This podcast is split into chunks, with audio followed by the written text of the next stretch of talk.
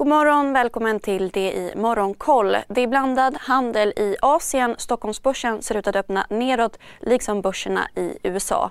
Tokyobörsen och Shanghai-börsen stiger en halv procent. Shenzhen-börsen backar en halv procent och Hongkongbörsen rekylerar ner en och en halv procent idag efter de senaste dagarnas rally tyngt bland annat av Alibaba och Tencent som backar 5 respektive 3 procent.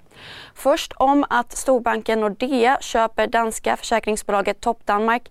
Nordea betalar motsvarande drygt 2,8 miljoner kronor för det danska liv och pensionsbolaget som i fjol förvaltade kapital på omkring 12 miljarder euro.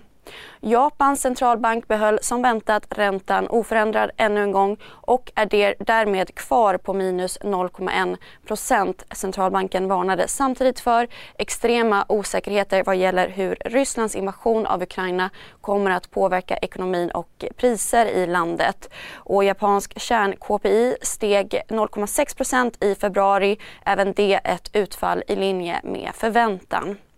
Under dagen väntas samtal mellan Kinas president Xi Jinping och USAs president Joe Biden om kriget i Ukraina och konkurrens mellan de två länderna.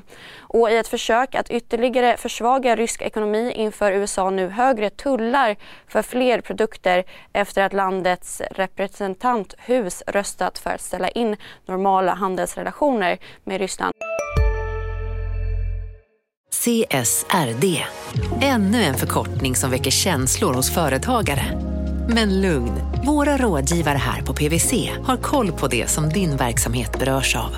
Från hållbarhetslösningar och nya regelverk till affärsutveckling och ansvarsfulla AI-strategier. Välkommen till PWC. Och Belarus.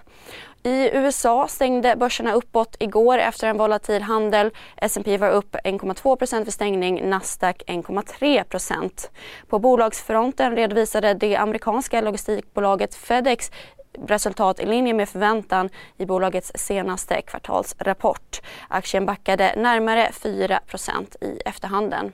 Och oljebolagen tillhörde vinnarna medan eh, oljepriset rusat och steg närmare 10% Priset har fortsatt upp under morgonen och bränt oljan kostar nu knappt 109 dollar fatet. Så till att Ryssland har svårt att betala sina skulder. Nu uppges vissa borgenärer ha fått sina kupongbetalningar som löpte ut i onsdags. Kupongbetalningarna gäller 117 miljoner dollar i två dollarlån och igår meddelade Ryssland att transaktionerna är genomförda. Och nya uppgifter visar att den ryska militären har fortsatta utmaningar i Ukraina.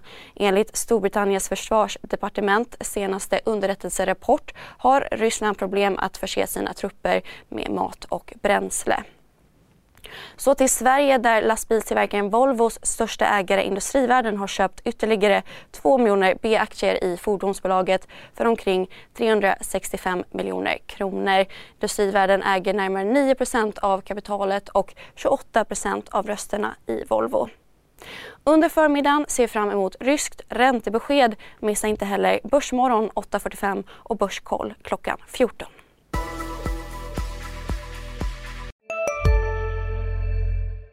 CSRD. Ännu en förkortning som väcker känslor hos företagare. Men lugn, våra rådgivare här på PWC har koll på det som din verksamhet berörs av. Från hållbarhetslösningar och nya regelverk till affärsutveckling och ansvarsfulla AI-strategier. Välkommen till PWC. Hej, Synoptik här. Så här års är det extra viktigt att du skyddar dina ögon mot solens skadliga strålar. Därför får du just nu 50% på ett par solglasögon i din styrka när du köper glasögon hos oss på Synoptik. Boka tid och läs mer på synoptik.se. Välkommen!